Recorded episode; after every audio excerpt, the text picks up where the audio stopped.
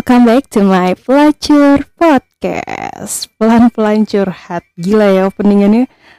Jadi ngingetin sama openingan Youtube gue. Kangen banget yang Youtube ya. Aduh sedih.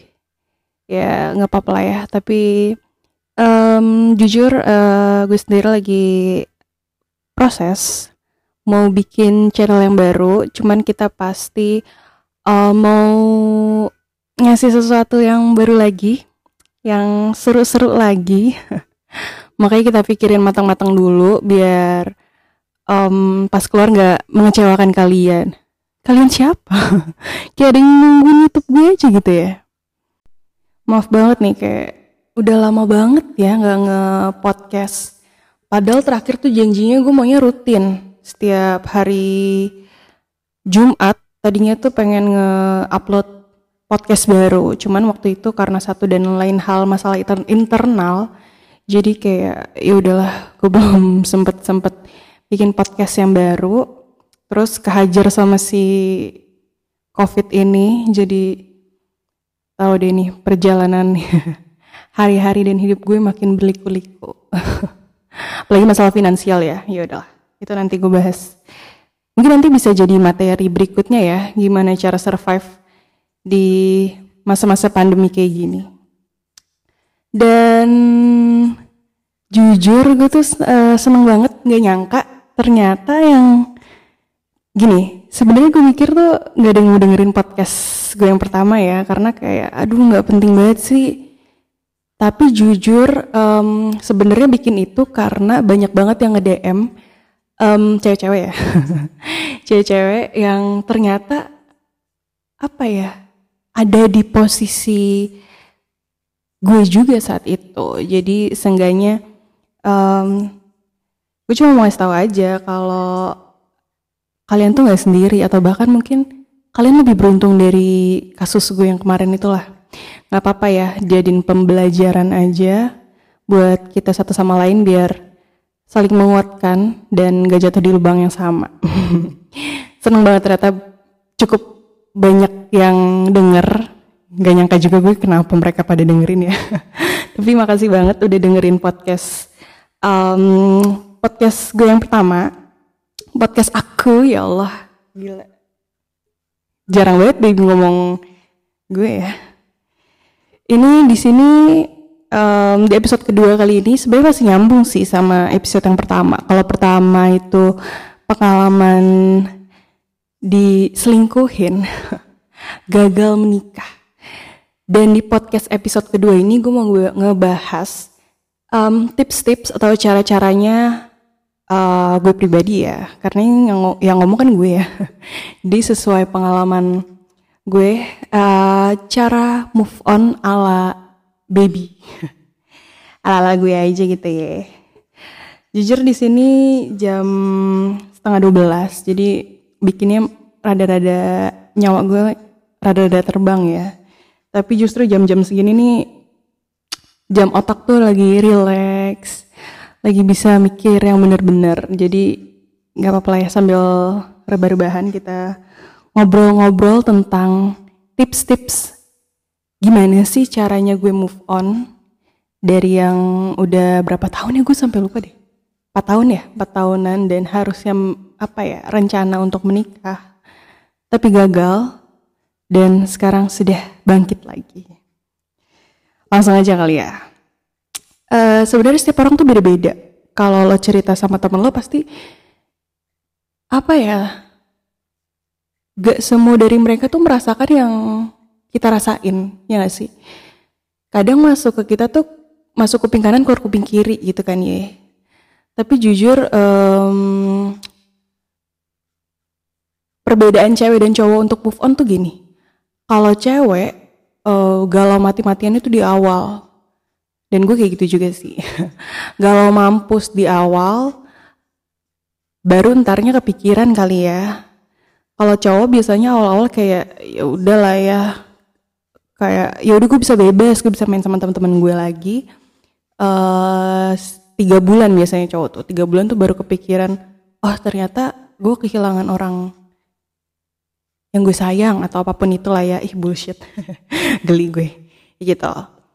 Nah kalau di kasus gue kemarin nih sepengalaman gue ini kita sharing aja ya. Ini jujur jujuran ya. Ini rada pupuk juga sih sebenarnya gue. Jadi setelah empat tahun itu terus um, gue memutuskan ya. Berarti gue bukan yang membicarakan ya udah deh kita putus gitu ya. Karena jujur pas hmm, gue meyakinkan diri bahwa bukan gue yang salah dan apa ya menyadarkan diri bukan bukan bukan kesalahan gue gitu gue pergi kan uh, aku pribadi jangan gue ah kayak kasar banget ya aku pribadi tuh pergi meninggalkan itu semua asik suka kayak tipe yang gini uh, kebetulan gue bocah zodiak ya. Jadi, aduh gue mulu. Kebetulan aku tuh bocah zodiak. Jadi Leo itu salah satu tipe yang kalau gue udah sakit hati, kalau aku udah gak suka, itu tuh kayak ya udah bodo amat mau lu jungkir balik, mau lu nyungsep, mau lu jatuh ke jurang, gue udah gak peduli. Itu itu karakter gue walaupun gue sesayang sayangnya mampus semampus mampusnya mampus kepala gue gue kasih ke dia kalau gue udah benci kalau udah kecewa tuh udah udah deh lo lo jauh-jauh dari hidup gue kayak udah nggak kenal lagi kayak kalau ketemu tuh maaf siapa ya? Walaupun um, case-nya kita udah lama udah merencanakan pernikahan dan lain sebagainya udah intimate banget gitu ya tapi kalau aku pribadi udah kecewa tuh kayak seakan tuh gue nggak kenal lagi dia tuh siapa kayak lo tuh pernah ada di hidup gue kayak siapa ya? Jujur gue tipe orang kayak gitu. Habis putus tuh gue inget banget oh, uh, hari itu juga gue tahu ngegepin nggak ngegepin sih apa ya? Akhirnya tahu dia udah ada yang lain. Akhirnya gue kayak ya udahlah. Maksudnya waktunya gue untuk pergi gitu. Karena ya pasti udah bukan gue lagi yang diharapkan di sana. Dan lingkungan sekitar pun mm, mendukung uh, mendukung dengan ya udahlah ngapain? Kayak cowok kayak gitu tuh nggak pantas buat dapetin kasih sayang gue asik. Geli. Tapi jujur di saat-saat terpuruk kayak gitu tuh kita butuhin yang kayak gitu-gitu tuh. Karena secara tidak langsung walaupun kedengarannya bullshit tapi itu ngebalikin mood dan semangat kita sesaat ya walaupun cuma sesaat ya. Ini gue inget banget nih ya udah tuh gue pulang udah happy. Oke okay, kita putus. Kelar. Terus teman-teman tuh kebetulan baik banget tuh. Um, karena jujur aku tuh bukan tipe uh, aku tuh tipe orang yang kalau lagi sendiri gue bakal inget semuanya. Gue bakal sedih sesedih sedihnya. Tapi kalau lagi rame kalau lagi ngobrol sama orang itu gue bakal lupa gitu. Dan teman-teman aku pun um, tau lah aku tipe orang yang kayak gitu. Jadi pulang tuh langsung tuh chat nggak berhenti telepon nggak berhenti. Itu inget banget tuh gue tuh awal-awal puasa ya. Lagi shower-shower gitu. Ih sedih ya udah berharapnya um, sahur ada yang bangunin gitu ya. Atau buka puasa ada yang selamat berbuka eh taunya bukanya main lain ya. Ya gitu.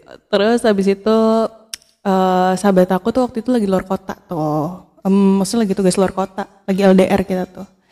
Tapi itu sih apa ya aku tuh punya sahabat tuh cowok-cowok tapi mereka super baik dan pengertian mampus. Jadi kayak ada jadwalnya. Besokan itu gue galau mampus tuh abis sahur jam 5 jam 6 gue ngechat ke sahabat gue pokoknya ngechat galau gitu aduh gimana nih? Gue sedih banget bla bla bla bla bla. Kok dia begini banget sih sama gue? Kok dia jahat banget sih sama gue ya kan? Pasti kayak gitu lah ya kalau habis putus. Tapi tuh ditemenin tuh sama sahabat aku. Dari pokoknya aku ada dua sahabat. Sahabat aku dua-duanya cowok. Jadi yang satu aku nyebut dia tuh yang satu devilnya aku yang satu angelnya aku. Karena yang satu bener-bener kayak malaikat yang kayak ngebalikin mood gue yang super baik banget dan satunya lagi emang sebenarnya dia mau menjaga gue balikin mood gue cuman dengan cara-cara yang devil gitu kayak setan banget di hidup gue kayak yang ngata-ngatain lah yang yang kayak gitu kadang kita emang butuh sahabat yang kayak gitu kan ya Nah itu angel dan devil gue tuh. Jadi uh, jam pagi sampai sore itu devil gue yang uh, nemenin, nemenin nelpon, chat dan lain sebagainya. Terus setelah itu shiftnya angel gue dari sore sampai subuh. Karena kita waktu itu LDR sama sahabat gue tuh LDR berapa ya? Dua jam kalau nggak salah. Dia lebih dulu dua jam. Beda wilayah uh, wilayah Indonesia bagian sana. Gitu. Terus pokoknya tips move on yang pertama itu pasti kalau aku tuh um, harus ditemenin harus ada teman terdekat buat nemenin kita galau gitu. Jangan sampai kita sendirian gitu kan. Biar bisa lupa sama semuanya gitu. Oh. terus nikmatin aja. Jujur nih ya jangan denial lah. Kayak lo putus sedih ya pasti gitu loh. Gimana nggak sedih sih? Empat tahun lima tahun 10 tahun. Terus kayak berharap uh, mau nikah udah mikir ini itu terus tiba-tiba dihancurin gitu aja dengan ada satu orang yang rebut gitu. Kan kayak pedes gitu ya. Pedih banget kayaknya hidup ya. Jadi ya udah jangan denial nikmatin sedihnya.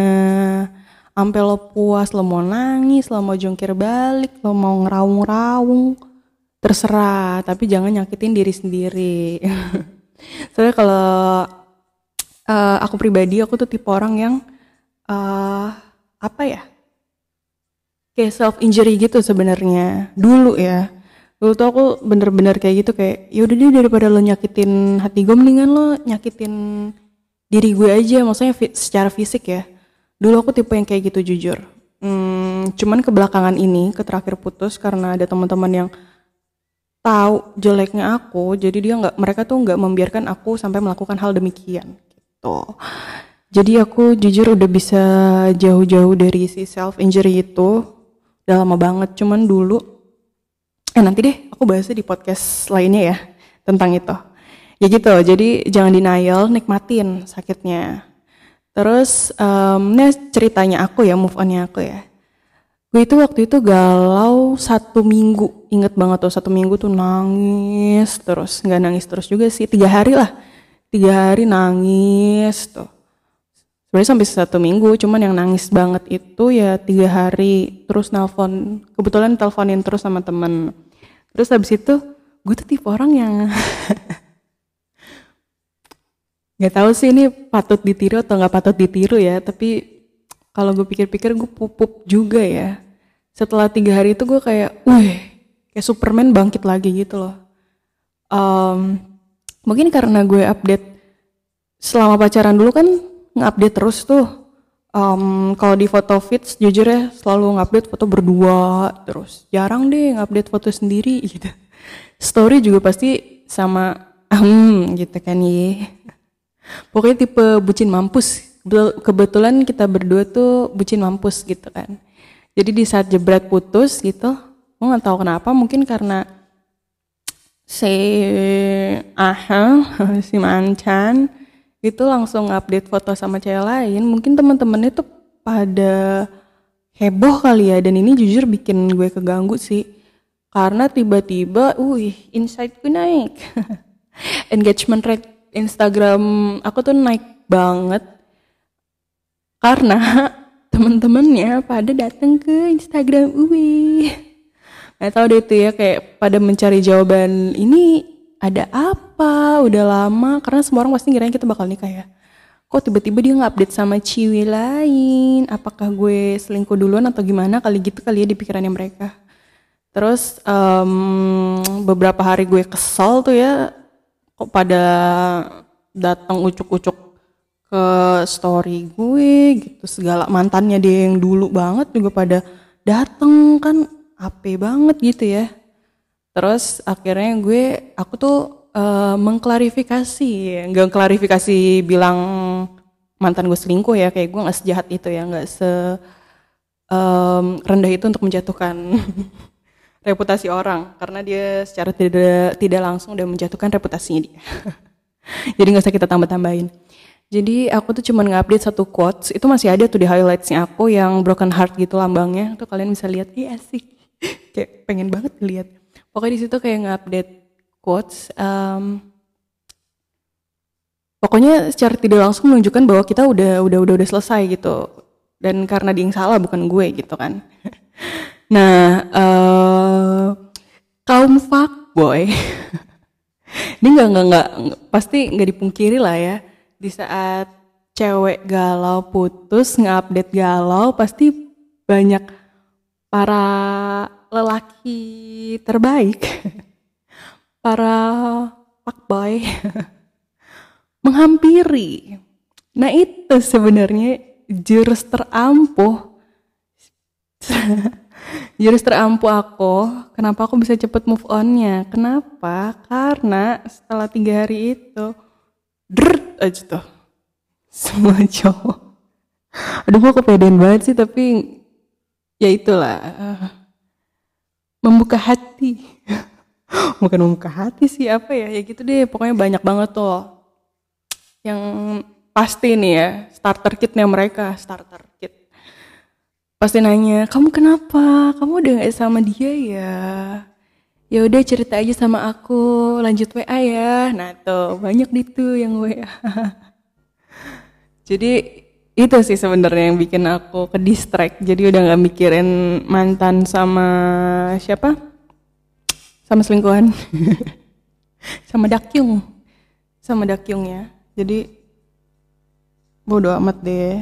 Dia mau ngapain? Pokoknya gue udah udah deket sama banyak cowok gitu. Secara tidak langsung tuh kayak hmm, dari kita insecure itu tuh sejujurnya naikin mood kita loh. Jadi kayak oh ya ya nggak ada lo ternyata masih gue masih berharga gitu loh gue masih worth it buat didapetin sama cowok-cowok lainnya kayak gitu terus um, selanjutnya adalah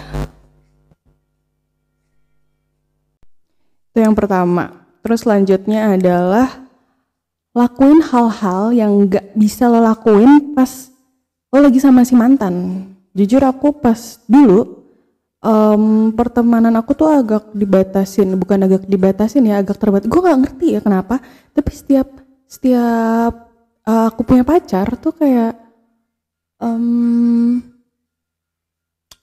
gimana ya, kayak kalau mau pergi tuh kenapa gue disuuzoni gitu. Kalau mau kerja juga pasti dianterin ditemenin. Kayak nggak terizinkan banget gue untuk pergi sendiri. Gue nggak kenapa? Karena mereka nggak per gue nggak tahu kenapa apa karena mereka nggak percaya kalau aku ini setia atau gimana gitu ya. Tapi sejujurnya setiap aku punya pacar selalu kayak gitu. Pasti pada nggak percayaan kalau aku kerja. Gitu. Maksudnya ada di lingkungan baru ya ketemu orang-orang baru apalagi cowok-cowok itu kayak wow seribu satu suzon tuh keluar. Dan sampai akhirnya kayak ya udahlah nggak usah kerja ngapain sih emang lo mau beli apa mau ini mau itu? Eh lo pikir lo hidup udah menghidupin gue kan gue juga butuh duit ya butuh penghasilan juga harus jadi cewek yang mandiri. Dan selama uh, sekian tahun itu jujur aku tuh kayak ya udah hidup gue di rumah kerja seadanya hmm, sama dia. Ya udah kayak temen tuh juga uh, bersyukurnya teman-teman aku tuh menya menyayangi. Jadi ya mereka ngerti lah um, sifat-sifatnya atau apa pun itu. Dan um, apa ya? Tahu sifat-sifatnya tahu posisi aku dan ya kita tetap tetap cacatan sih sama temen aku. Tetap ketemuan juga walaupun ada dia. Ya gitu sih. Um, kebetulan mereka itu mengerti posisi aku jadi karena mereka sayang sama aku jadi ya mereka memahami itu ya cuman agak sedih aja sih waktunya jadi nggak bisa sebebas sebelum ada si itu nah gue males banget nyebutnya Haam, udah gitu ya udah jadi kalian lakuin tuh apa yang kalian nggak bisa lakuin kalau dulu sering main sama teman lu main Terus ini yang aku lakuin ya. Terus aku main sama temen aku. Habis itu perbaikin diri, jujur. Ini yang bener-benernya aku lakuin sampai detik ini sih. Kayak dulu aku tuh, nih aku nyesel banget ya. Kayak gue buang-buang waktu gue bukan buat hal yang percuma gitu loh. Kayak, aduh, gue menghabiskan waktu gue gak guna gitu loh kayak aduh hidup gue kalau ada sad boy gue sad girlnya kali ya kayak hidup gue udah dia dia doang gagal lagi kan brengsek banget udah nggak kerja penghasilan seadanya gitu kan. Waduh. Terus gue ngerasa kayak aduh gue sebagai wanita yang apa ya nggak ada value-nya gitu. Mulai dari situ gue langsung fokus ke kebetulan aku ada bisnis kecil-kecilan aku yang emang sebenarnya itu sebenarnya menghasilkan banget cuman aku nggak fokusin karena ya itu kepentok ahem gitu kan kepentok dia gitu itu beberapa aku fokusin aku sempet detox sosmed juga karena aku bener-bener mau fokus kayak aku tuh bilang sama sahabat aku gue janji ya gue bakal ngeinstall um, sosmed lagi kalau um, bisnis dan rencana aku tuh mulai berkembang kebetulan aku kan anaknya ambisius mampus ya Leo, tipikal Leo ya. Kalau udah benci-benci banget, kalau udah ambisius, kalau ada sesuatu tuh harus dapet. Tapi um, dia tahu cara dia untuk meraih itu tuh gimana. Aku tuh orangnya sekeras itu. Egois mampus sih gue. Jadi aku bener-bener fokus banget. Aku hubungin semua uh, klien-klien aku yang menurut aku bisa membantu aku untuk lebih berkembang. Aku hubungin lagi, aku fokus lagi sampai aku nggak bilang sekarang aku di titik yang sukses ya tapi maksudnya um, apa yang dulu aku omongin ke sahabat aku bahwa aku bakal bakal perbaikin semuanya bakal lebih baik dari sebelumnya tuh aku ngerasa setidaknya agak berhasil ya. Produktif lah gitu aku mau produktif. Akhirnya aku alhamdulillah banget sih aku bersyukur banget di titik yang sekarang. Aku bangga karena itu yang penting ya kita harus uh, yang pertama itu love yourself. Jadi aku cinta banget sama diri aku sekarang dengan pencapaian aku saat ini mungkin aku belum sesukses yang lain karena baru satu tahun ya. Satu tahun belakangan ini aku untuk membenahi semuanya produktif lagi benerin bisnis aku lagi yang terbengkalai selama empat tahun yang kayak seadanya aja itu aku maksimalin banget. Benar-benar kayak aku ngejar target aku banget. Aku anaknya ambisius itu sih. Jadi aku ngejar target aku banget buat bisa lebih baik dan alhamdulillah aku udah di titik yang sekarang. Dan itu salah satu cara terjitu adalah perbaikin diri kalian. Yang berarti pertama udah ya uh, buka hati, perbanyak komunikasi walaupun sama aha aha pak boy pak boy biarin lah biar ngedistract pikiran kalian. Terus kedua balik ke rutinitas yang um, kalian nggak bisa lakuin kayak main sama temen-temen, kerja, pokoknya apa ya ngetrit diri kalian lah, me time kalian tuh gimana sih? Kalian suka nyalon lo nyalon kayak sampai lu. Rambut lo jadi apaan tahu badan lo jadi gimana mempercantik diri itu ya. Uh, dulu lo biasanya gitu kan ya kalau udah pacaran kayak ya udahlah ya mau makan sebanyak apa pun gue juga udah ada laki ya kayak udah ada ih kayak laki bini kayak udah punya pacar gitu nggak nggak perlu cakep-cakep amat gitu kan ya. Nah itu lo perbaikin lagi semuanya. Terus pokoknya gimana ya lo harus jadi versi terbaiknya versi terbaik dari lo gitu.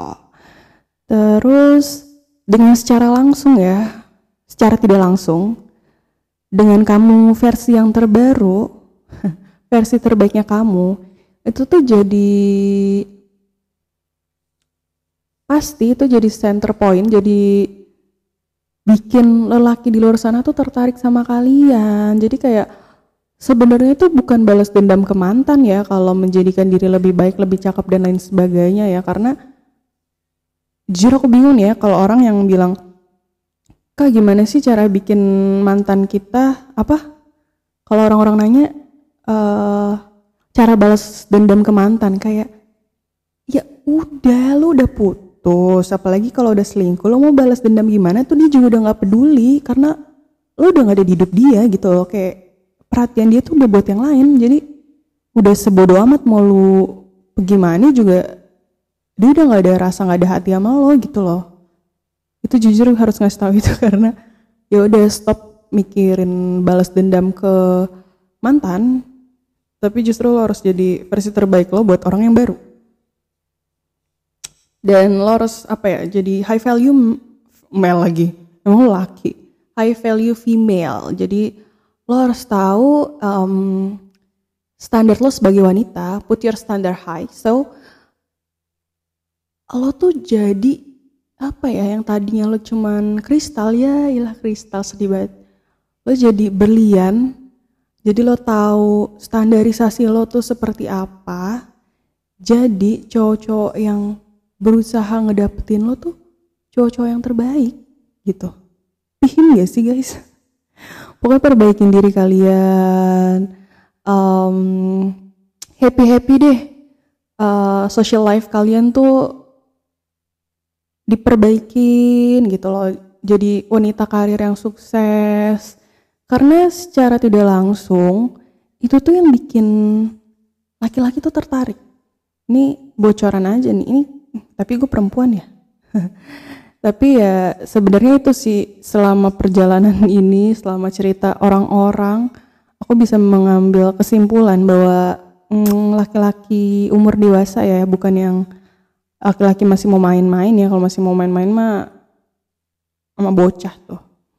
Jadi laki-laki dewasa itu suka sama perempuan yang mandiri um, high value female gitu loh yang karena kan pada dasarnya sifat laki-laki adalah hunter memburu jadi pasti dia nyari yang sulit digapai kalau dia udah gapai gitu kan kalau udah berhasil itu kan jadi satu kebanggaan tersendiri buat dia. Nah itu sebenarnya uh, bukan titik finishnya kalian tuh bukan di situ. Kenapa? Karena di saat itulah kalian udah dapet um, seseorang lagi, kalian harus tetap mempertahankan uh, standarisasi kalian.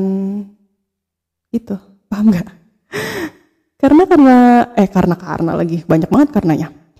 Jadi karena sifatnya si laki-laki itu adalah hunter, pemburu, kalau dia udah dapet buruannya, kan kayak ya udah gue berhasil. Nah kalian harus tetap um, ada, eh kalian harus tetap uh, ada di standarisasi tertinggi kalian supaya laki-laki itu tuh terus uh, berusaha untuk mempertahankan kalian supaya apa ya proud to have you gitu. Gimana sih? Kayak bangga gue bisa dapetin lo gitu. Sejujurnya itu tahap tersulit. Mempertahankan standarisasi kalian. Karena sampai detik ini pun secara pribadi ini jujur ya, aku masih sulit goyah say. Gue kalau dapet laki goyah. Standarisasinya udah naik turun naik turun gitu. Sebenarnya itu nggak boleh ya. Aduh, ini kalau laki-laki denger rahasia kita para perempuan kebongkar ya. Jadi itu ya, uh, kalian tahu standarisasi diri kalian, taruh setinggi tingginya, bodoh amat deh orang mau bilang lo sombong atau apa pun itu terserah karena kalau kalian tahu taruh standarisasi kalian tah standarisasi kalian tinggi yang ngedapetin kalian itu berarti laki-laki terbaik yang mau usaha bukan yang bilang kalian sombong gitu. Nggak ada usahanya itu laki kayak gitu. Terus pokoknya ya ya udah nikmatin lah. Nih pertama ya tips move on. Ngulang lagi deh nggak apa-apa ya. Pokoknya pertama abisin galau-galauan seminggu kayak biasa seminggu ya. Jangan lama-lama jangan sebulan mau jadi apaan lo galau sebulan. Kayak pacaran anak SMA dulu aku tuh pas zaman SMA gitu sebulan gua mau keluar nggak mau mandi nggak mau makan. Udah kayak apaan tahu jelek banget. Pokoknya kalian nikmatin pasti ada tahap healingnya. Tapi jangan lama-lama harus cepet-cepet move ke tahap healing uh, perbaikin social life kalian. Um, kerjain apa yang nggak bisa kalian kerjain dulu. Kalau kalau aku dulu nggak bisa main sama teman-teman nggak bisa ngelakuin ngejalanin bisnis bisnis aku itu aku lakuin. Dan secara tidak langsung kan itu uh, memperbaiki diri kita, menaruh standarisasi, kita punya standarisasi diri kita sendiri. Uh, uh, uh, uh, ya gue ya. Pokoknya jadi independent woman lah. tapi sebenarnya ini yang susah sih. Jadi independent woman tuh susah. Susah susah gampang. Ah jangan deh. Bahas buat materi selanjutnya. Dari tadi buat materi-materi selanjutnya mulu ya. Pokoknya gitu deh. Uh, tips move on aku. Nikmatin aja nangis-nangisnya perbaikin diri jodoh nggak ke mana. Aduh gue ngomong kayak ngomong gini kayak orang bener aja ya. Padahal gue kalau galau kayak ya udah nggak masuk omongan kayak gitu. Tapi kalian harus percaya guys. Aduh gue ngakak nih. Ini pasti kalau teman-teman sahabat-sahabat aku yang denger pada ketawa nih aku bisa ngomong kayak gini. Ya udah tapi aku harus bilang jodoh nggak ke mana. Ada pokoknya perbaikin diri pasti yang datang yang baik-baik. Kalau emang ada laki-laki yang datang dan nggak bisa mempertahankan kalian ya udah tinggalin berarti bukan yang terbaik udah titik itu. Karena gini um, jadi orang yang nggak di yang nggak disayang dan disayang tuh sama aja. Kita sama-sama ada di pikiran mereka. Kalau kita nggak disayang atau kalau kita dibenci itu pasti kita bakal stay tetap di pikiran mereka kan begitu juga kalau disayang. Pasti kita ada di pikiran mereka juga. Jadi kita pemenang. Apa sih gue? Ya gitulah. Pokoknya kita selalu ada di pikiran mereka. Jadi buat yang lagi galau-galau lagi sedih-sedih aku tahu pelacur kali ini memang bantu kalian tapi oke okay, serius. Nikmatin aja um, sakitnya aku tahu banget. Dianatin ditinggalin kayak dicampakin gitu ya. Kayak sampahnya kita tuh nggak ada harganya tuh sakit banget jujur sumpah. Sakit sakit banget. Tapi lo mau tetap stay ada di situasi kayak gitu? Lo mau ngebiarin nyakitin diri lo sendiri mau biarin diri lo kurus jadi kelihatan tua nggak keurus. Padahal mantan lo tuh lagi happy happy nggak mikirin lo nangis atau apa pun itu.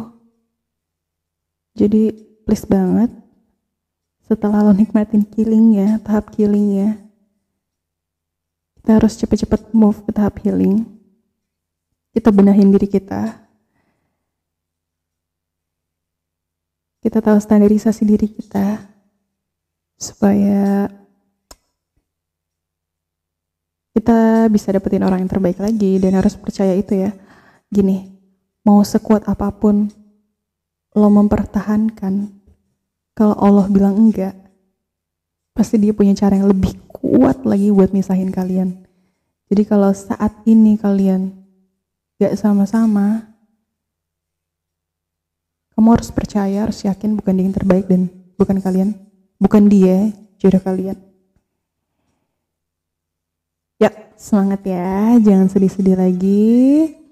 Semoga podcast tips move on ini bisa sebenarnya gue bukan bener-bener mau ngasih tips move on ya cuman mau ngehibur aja buat yang nge-DM DM aku yang sedih uh, cowoknya gini gitu gini gitu. Jadi masih ada aja sih yang DM aku curhat-curhat gitu. Kadang masih aku balasin kalau mood aku lagi bagus ya karena kalau mood aku lagi nggak bagus gue suka ini suka jutek gitu. Ntar dibilangnya sombong.